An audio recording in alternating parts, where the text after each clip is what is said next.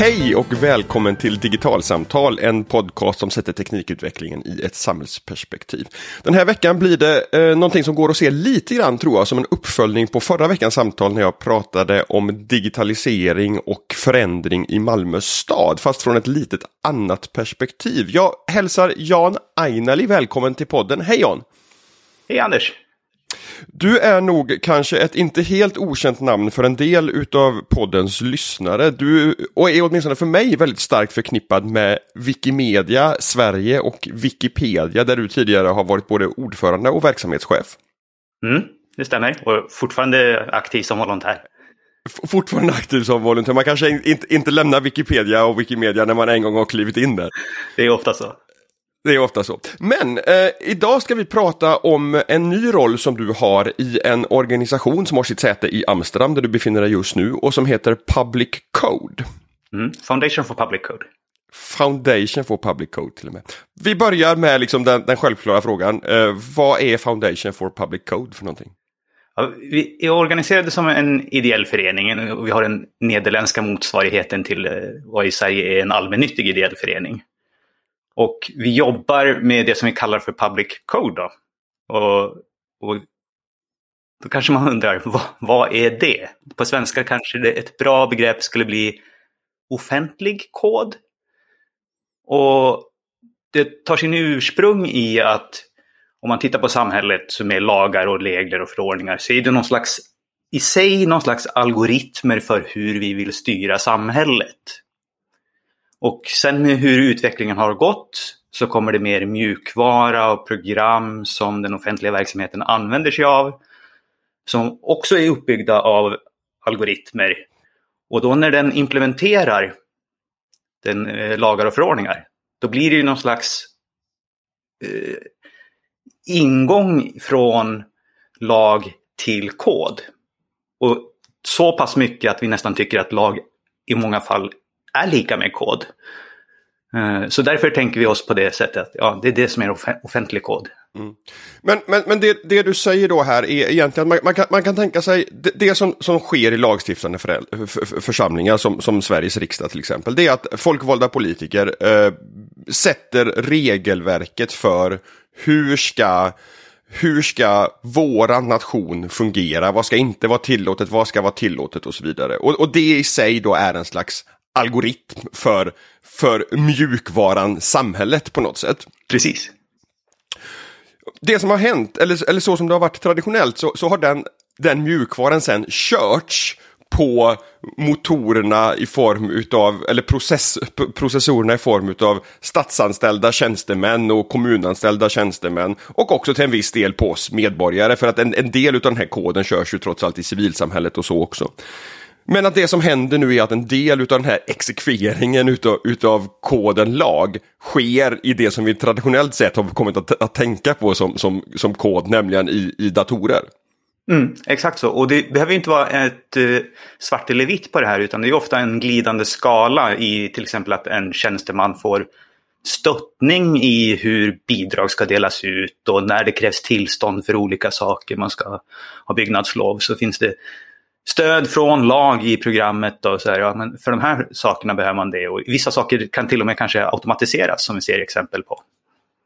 Det, det där med, med, med, människa och maskin i, i, i, samverkan här skulle jag vilja komma tillbaka till. För så, det pratar man ganska mycket om i, i AI-sammanhang just nu till exempel. Att, att det är inte människa eller maskin utan det är människa och maskin tillsammans. Men, men jag skulle ändå vilja hänga, hänga kvar för, för, för public code och sen open source, öppen källkod. Vad, vad, vad, finns det för, för samband här emellan om det ens finns något?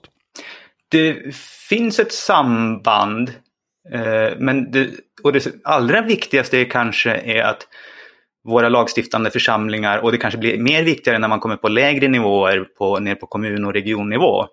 De måste ha möjlighet att kunna implementera lagen i kod. Så att det blir eh, svårare när man försöker göra den här specialanpassningen om man köper en, en blackbox, eh, liksom ett färdigt program som gör en sak. Och sen så kommer man till eh, ett val eller man bara tar ett nytt beslut i kommunfullmäktige att ja, nu ska vi göra på ett annat sätt. Och så står man där, kan vi ändra på koden så att den gör det nu? Och då om det är öppen källkod så har man ju ofta tillgång till koden och kan göra det. Och är man en liten kommun så kanske ändringen inte är så stor så att man kan upphandla det ett litet antal timmar för att göra en sån ändring. Men om man har en, eh, ett färdigt, ett vanligt program, då kanske inte den programleverantören är intresserad av att liksom, jag vill inte sälja bara eh, 100 timmar till dig.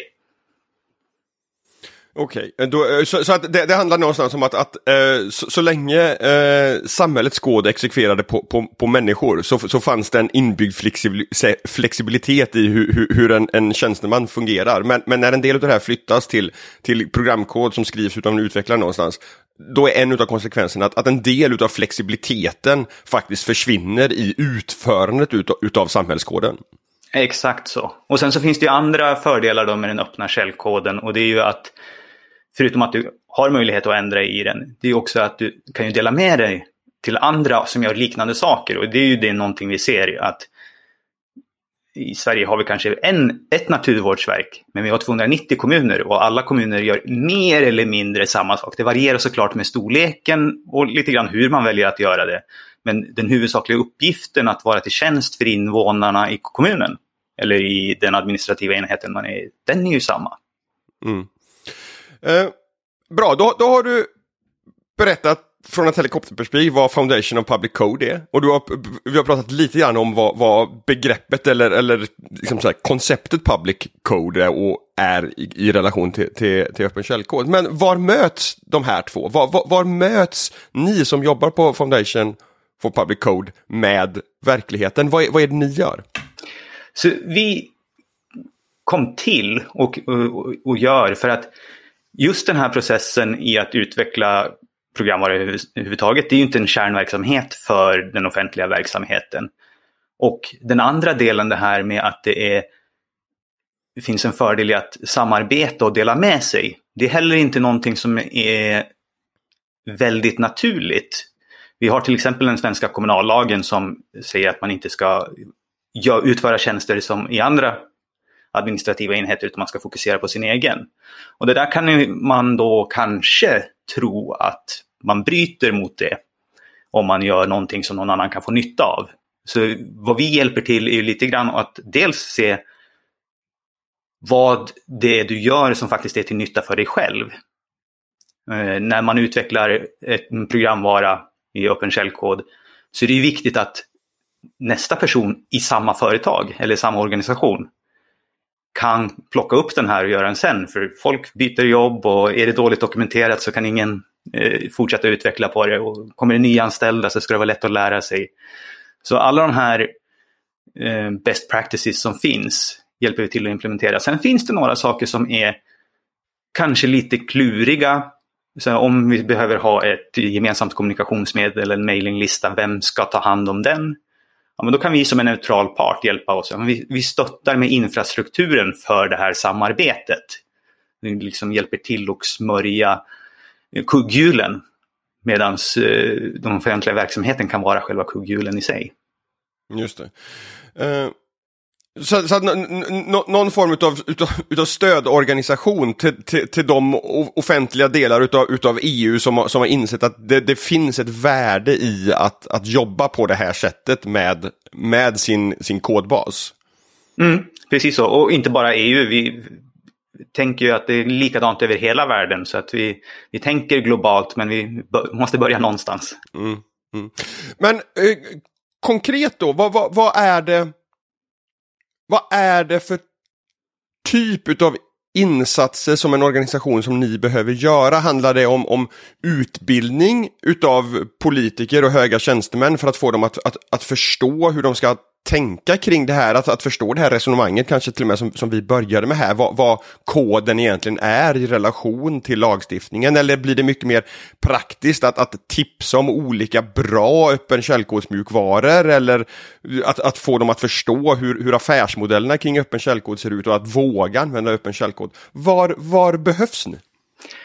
Vi har själva valt att komma in i det senare skedet då, så att vi fokuserar på de organisationer som redan har bestämt sig för att vi vill jobba med öppen källkod. Så att vi är väldigt praktiska i det att jaha, nu har ni redan bestämt er och, och så kör ni fast någonstans.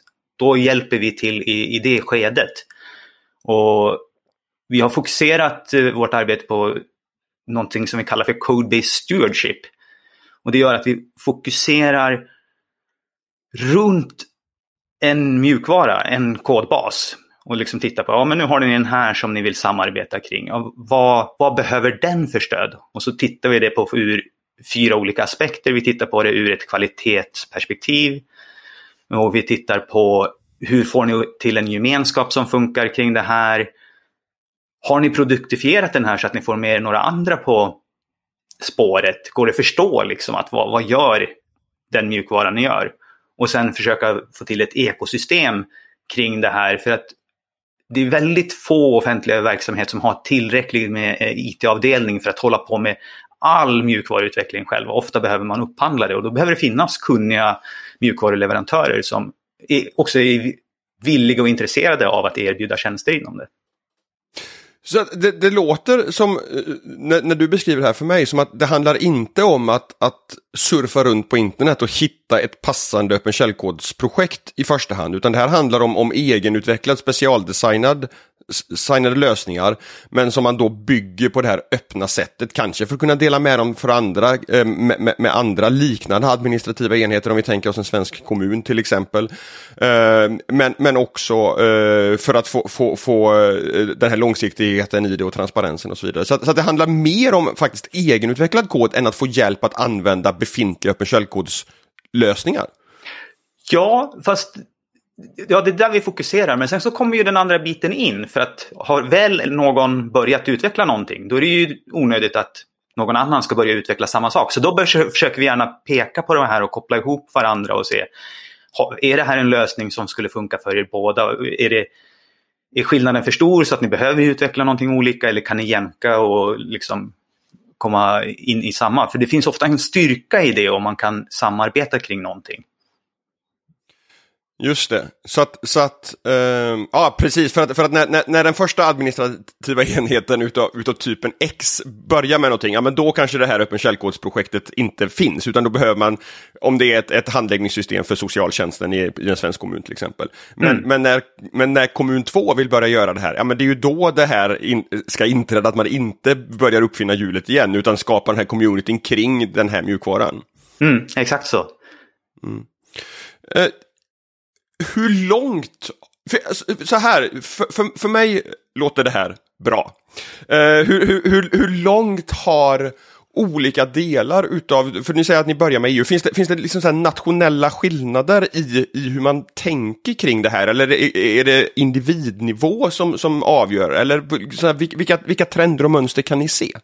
Och det finns jättemånga olika nationella skillnader. Och och, och dessutom på individnivå också i, i de länderna där det inte finns en, liksom en nationell strategi redan. Mm, mm. Men, men, om vi tittar på något land som till exempel har kommit långt i, i lagstiftning, så i Italien har man att liksom all mjukvara som utvecklas av offentlig verksamhet måste bli öppen källkod. Och då, har man väl satt en sån praxis i, i då blir det också mer självklart att ja, då behöver vi inte utveckla samma sak eftersom vi vet redan att en kommun har gjort det. Så då har man där samlat ihop en katalog på all mjukvara som utvecklas av offentlig verksamhet som öppen källkod. Och då blir det oerhört enkelt för en ny kommun som kommer, och nu vill vi också ha ett parkeringssystem för att vår förra licens gick ut. Och då kan de titta i katalogen, ja, och här har Milano redan byggt någonting sånt. Och så börjar man från den änden. Så ibland så har man kommit till att det är lagstiftning. Här i Nederländerna så antog man någon slags eh, strategi i parlamentet med att man kallar den för open unless. Alltså det, som default så ska det vara öppen källkod om det inte finns något riktigt bra skäl till, till något annat. Men det är ju också fortfarande en, en policy så att det finns liksom ingen, inget straff om man inte gör så. Men det är en inriktning i alla fall. Och sen så har vi andra länder där det inte ens är en skriven policy men att man har ministrar som pratar om det. Och, och det kan ju leda till, om de är inflytelserika, till att det blir stora ändringar. Så att vi, vi har hela skalan här på hur folk har, hur långt de har kommit. Mm. Vad har liksom varit, de, de, länderna som har kommit långt, hur, liksom så här, hur har resonemangen sett ut där? Vad är det som gör att man har, har kommit en bra bit på den här utvecklingslinjen? Det, det är också lite olika anledningar. Eh, när vi har pratat med dem som är i Italien så finns det ett tryck från folket på ett annat sätt för att där finns det en större rädsla för korruption. Och då vill man ha insyn, så där är det öppenheten och transparensen som är det drivande. Medan jag tror inte till exempel i Sverige att man har den rädslan, så där är det mer att man vill vara proaktiv och framåt på ett digitalt sätt som skulle kanske vara den drivande eh, kraften. Just det, så, så att givetvis så, så, finns det skillnader i olika länder som, som gör att, att man kan dra nytta av olika delar av de här fördelarna som kommer med att jobba på det här, på det här sättet. Mm. Um, ur ett medborgarperspektiv, du pratar om transparens precis. Vad, vad, vad, finns det för nytta för mig, Anders Storesson, med att, att eh, om Vänersborgs kommun eller eh, Västra Götalandsregionen eller Sverige skulle liksom börja jobba hårt på det här sättet? Det finns ju flera fördelar. Dels så skulle man kunna hoppas att eh, de, eh, Vänersborgs kommun skulle bli mer effektiv i, i det de gör. Och att du kan få en bättre service, eh, liksom rent konkret och att saker flyter på bättre. Jag skulle vilja pausa det redan där. För eh, eh, skulle, det, skulle den resultatet, för e-, effektiv för mig kan, kan, i det här fallet vara två saker. Dels mer resurseffektiv på något sätt, att, att använda skattemedlen till, till, till bättre saker än att köpa dyra licenser, utan snarare samarbeta med 289 andra kommuner kring någonting. Det, det är ju ett sätt att, att, att vara mer effektiv, men det, det, kan ju också vara att, att faktiskt utföra, att, att du får en mjukvara som är ännu bättre anpassad till de uppgifterna som du faktiskt ska göra. Det ger ju också en, en, en, en effekt på, på, på hur skattekronor används för förvisso, men, men det är ändå två olika saker. Vil, mm. Vilken typ av effektivitet uppnår man? Jag tänkte faktiskt främst på den andra saken, att man faktiskt blir bättre i sin verksamhet. Det andra är, det första som du nämnde med att man blir mer resurseffektiv, är kanske en bonus, men det är inte nödvändigtvis så att det är, är, är billigare, speciellt inte om man är den som är först ut. Eh, det blir kanske billigare om man är liksom kommun nummer 123 som kommer in i det här samarbetet och mycket arbete redan gjort. Exakt, för att det som jag var lite ute efter med den frågan är, är det att, att jag tror att i många människors huvuden, i mitt ofta och säkert hos en del lyssnare också, så finns det en, en, en när vi börjar prata om öppen källkod, så ligger också genast liksom en, en, en tanke om att det ska vara gratis. Men, men, men, men den kopplingen finns ju inte riktigt här, utan, utan särskilt om det inte är så att man ska utveckla det här själva, så kommer ju mjukvaran i sig dra en hel del resurser. Men genom att pola de resurserna så blir det ändå inte lika mycket som om man hade utvecklat det var och en för sig. Absolut är det så. Och, och tidigt i ett utvecklingsprojekt är ju sällan, nästan aldrig billigt någonting, utan det kommer ju med tiden och framförallt kanske med flexibiliteten sen när det är enkelt och snabbt att göra ändringar som skulle ha blivit dyra även med eh, traditionell programvaruutveckling senare. Just det. Eh, så att resurseffektivitet, jag avbröt dig där när du hade börjat lista saker, var, var den första saken. Och, och vad mer kommer jag, Anders Thoresson, tjäna på, på eller få glädje av en, en sån utveckling? Som medborgare då kan du vara kanske lite mer säker och trygg i att eh, din offentliga verksamhet faktiskt gör det den borde göra. Du får en möjlighet att ha insyn. Nu under corona så har det ju varit mycket eh, diskussion om de här spårningsapparna och hur det kanske eventuellt inkräktar på den personliga integriteten. Här i Nederländerna valde man att göra det som öppen källkod och det var väldigt många medborgare som engagerade sig och granskade koden och upptäckte faktiskt en del saker som hade kunnat varit problem. Men tack vare att man fick många ögon som tittade på koden så kunde man liksom rätta till det i tid. Det, det kräver ju sig en insats då från medborgarna att man är intresserade av liksom, sin offentliga verksamhet. Eh, men det blir också någonting som kommer med om man skalar det på, på en hel nation såklart. Mm. Uh, Sen tänker jag, och nu kommer jag tillbaka till det här resonemanget som vi, som vi började med kring det här att, att, att människa och maskin i samarbete. Att, att någonstans inbillar jag mig, eh, får vi se ifall, ifall jag tänker rätt eller inte, att, att det här också kan skulle kunna bidra till en, till en ökad rättssäkerhet i, i, utifrån precis den här transparensaspekten. Att, att jag som, som medborgare kan titta titta på det här koden, eller jag kanske inte kan det, men jag kan få hjälp av någon annan som kan det. Att, att titta på koden som, som handläggarna på, på socialförvaltningen eh, använder för att fatta beslut eller som beslutsstöd i, i processer kring, kring olika typer av bidrag till exempel. Eller vi, vi, vi har ju haft en jättehärva i Göteborg med, med hur skolvalet är eh, slutade och så vidare. Att, att, att att våga lita på, och bygga ett förtroende för, för offentlig sektor genom att faktiskt kunna visa upp att ja, så, här, så här ser lagkoden ut. Och så här har vi implementerat det i den programkoden som sen våra eh, tjänstemäns hjärnor tar hjälp utav. F kan man se den typen av liksom så här effekter också tror du? Det kan man definitivt göra och det är lite det som jag försökte vara inne på var drivkraften nästan i Italien. Vi ser också en liknande i Taiwan där det har varit en där man har liksom startat upp sådana här alternativa skugg mjukvaror. Liksom man har eh, forkat eh, den mjukvaran som myndigheten har gjort och så har man liksom granskat och hur kan vi förbättra den här och sen ibland kanske också eh, flytta tillbaks förbättringar. I Sverige har vi kanske inte så mycket den drivkraften just nu. Man kanske borde ha det, inte ur ett, ett eh, korruptionsperspektiv utan snarare mer en allmän effektivisering och att vi får liksom nytta för våra skattepengar och kanske framför allt liksom, bli mer effektiva i tid. Ibland klagar man på att det tar lång tid att få ut bidrag. Om man söker solceller så får man det två år senare eller någonting sånt. Liksom, att få igång de här processerna, att de faktiskt funkar. Mm. Uh, det har varit mycket positivt. Finns det, finns det några nackdelar jäm, jämfört med att, att uh, köpa mjukvara på, på det liksom traditionella sättet? Det kluriga är ju och det är väl egentligen inte en nackdel, men det är att det är annorlunda. Så att man kan ju vara ovan i hur går vi tillväga. Eh, och framförallt så kanske man är ovan för att det som nästan är det viktigaste med när man jobbar på det här sättet och med öppen källkod i inte främst licensen, att det liksom är en öppen och fri licens.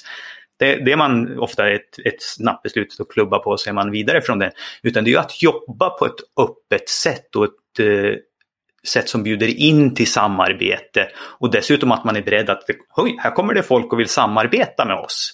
Eh, det kan vara ovant. Så det, det, är mer det här att hitta in i en ny roll hur man tänker kring verktygen i sin verksamhet.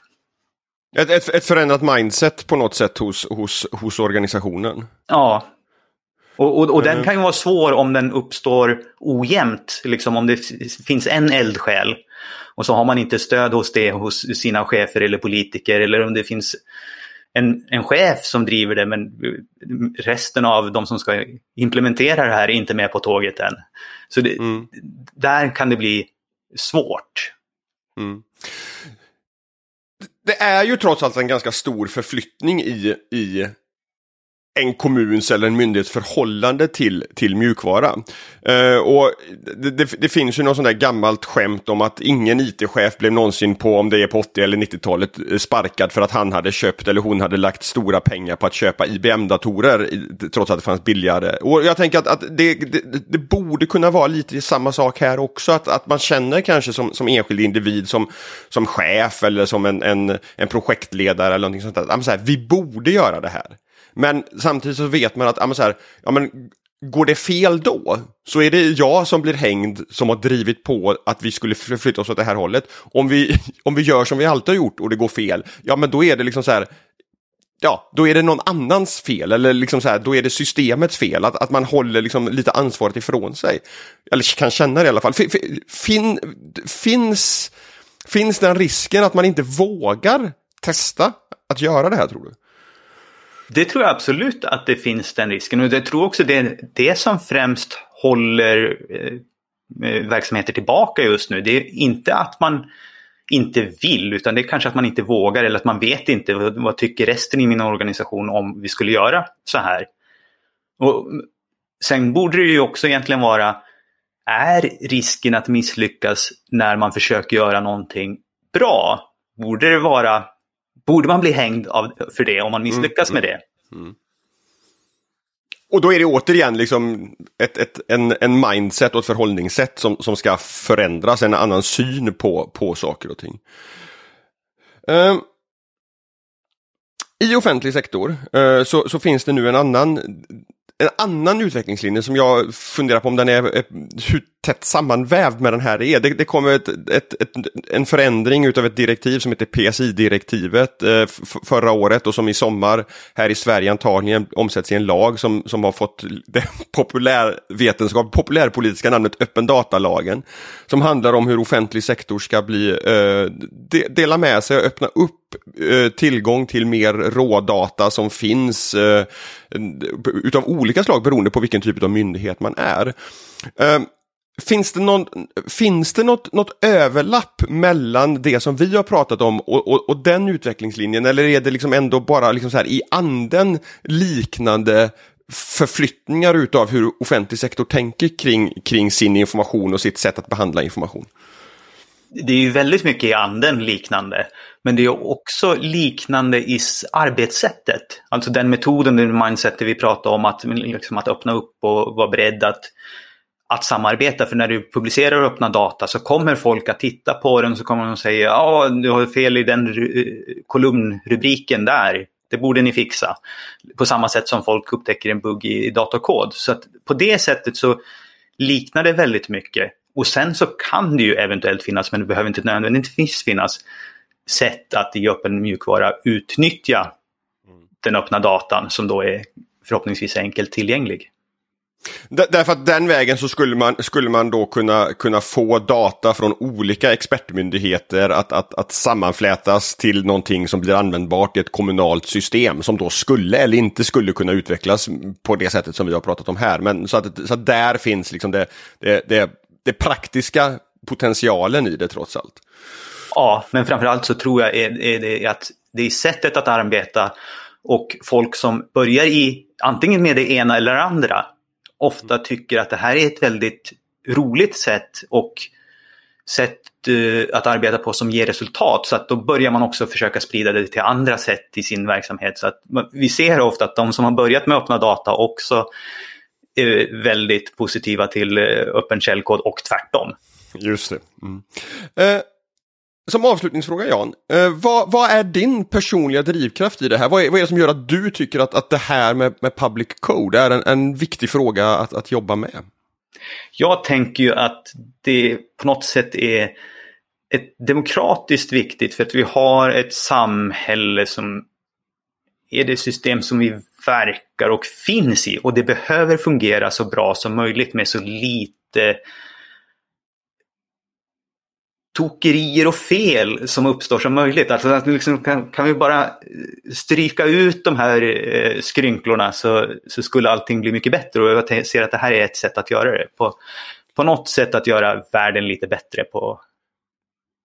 Så det, det, någon slags så här väldigt praktiskt demokratiarbete på något sätt i, i en, en, en tech, techno administrativ sfär på något sätt. Ja, technoadministrativ administrativ sfär och på, på något sätt också ett sätt som också är opolitiskt i det att det blir nytta för oavsett vem som sitter eh, vid, vid makten, om det är grönt, blått eller rött. Eller, så, så alla har ju mycket enklare att omsätta det som man har blivit vald till att genomföra om man faktiskt också har verktygen för att göra det. Mm. Och är det, är det, så man ska tänka på det här? Som, som, ett, som ett verktyg, alltså så här, få bästa möjliga verktyg. Att, att faktiskt se till att, att demokratin fungerar så som våra folkvalda politiker har bestämt att den ska, ska göra. Ja, vi, vi tänker så och vi brukar säga att öppen källkod i sig, en del är ju idealister kring det. Men vi på Foundation for Public Code ser det som att det är det för tillfället bästa verktyget vi har och vi ser inget annat som riktigt ens konkurrerar med det.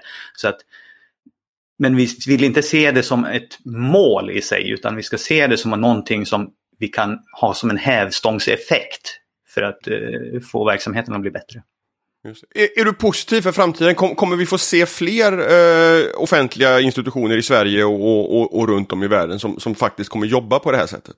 Det tror jag definitivt. Vi ser att det bubblar lite överallt och i Sverige så har ju Arbetsförmedlingen verkligen gått ut och liksom börjat bjuda in till samarbete med sitt jobbtech-initiativ. Eh, eh så att där ser man att man här, nu börjar eh, myndigheter att se att vi behöver samarbeta. För det är ofta det som är starten på det hela, att man börjar prata med varandra.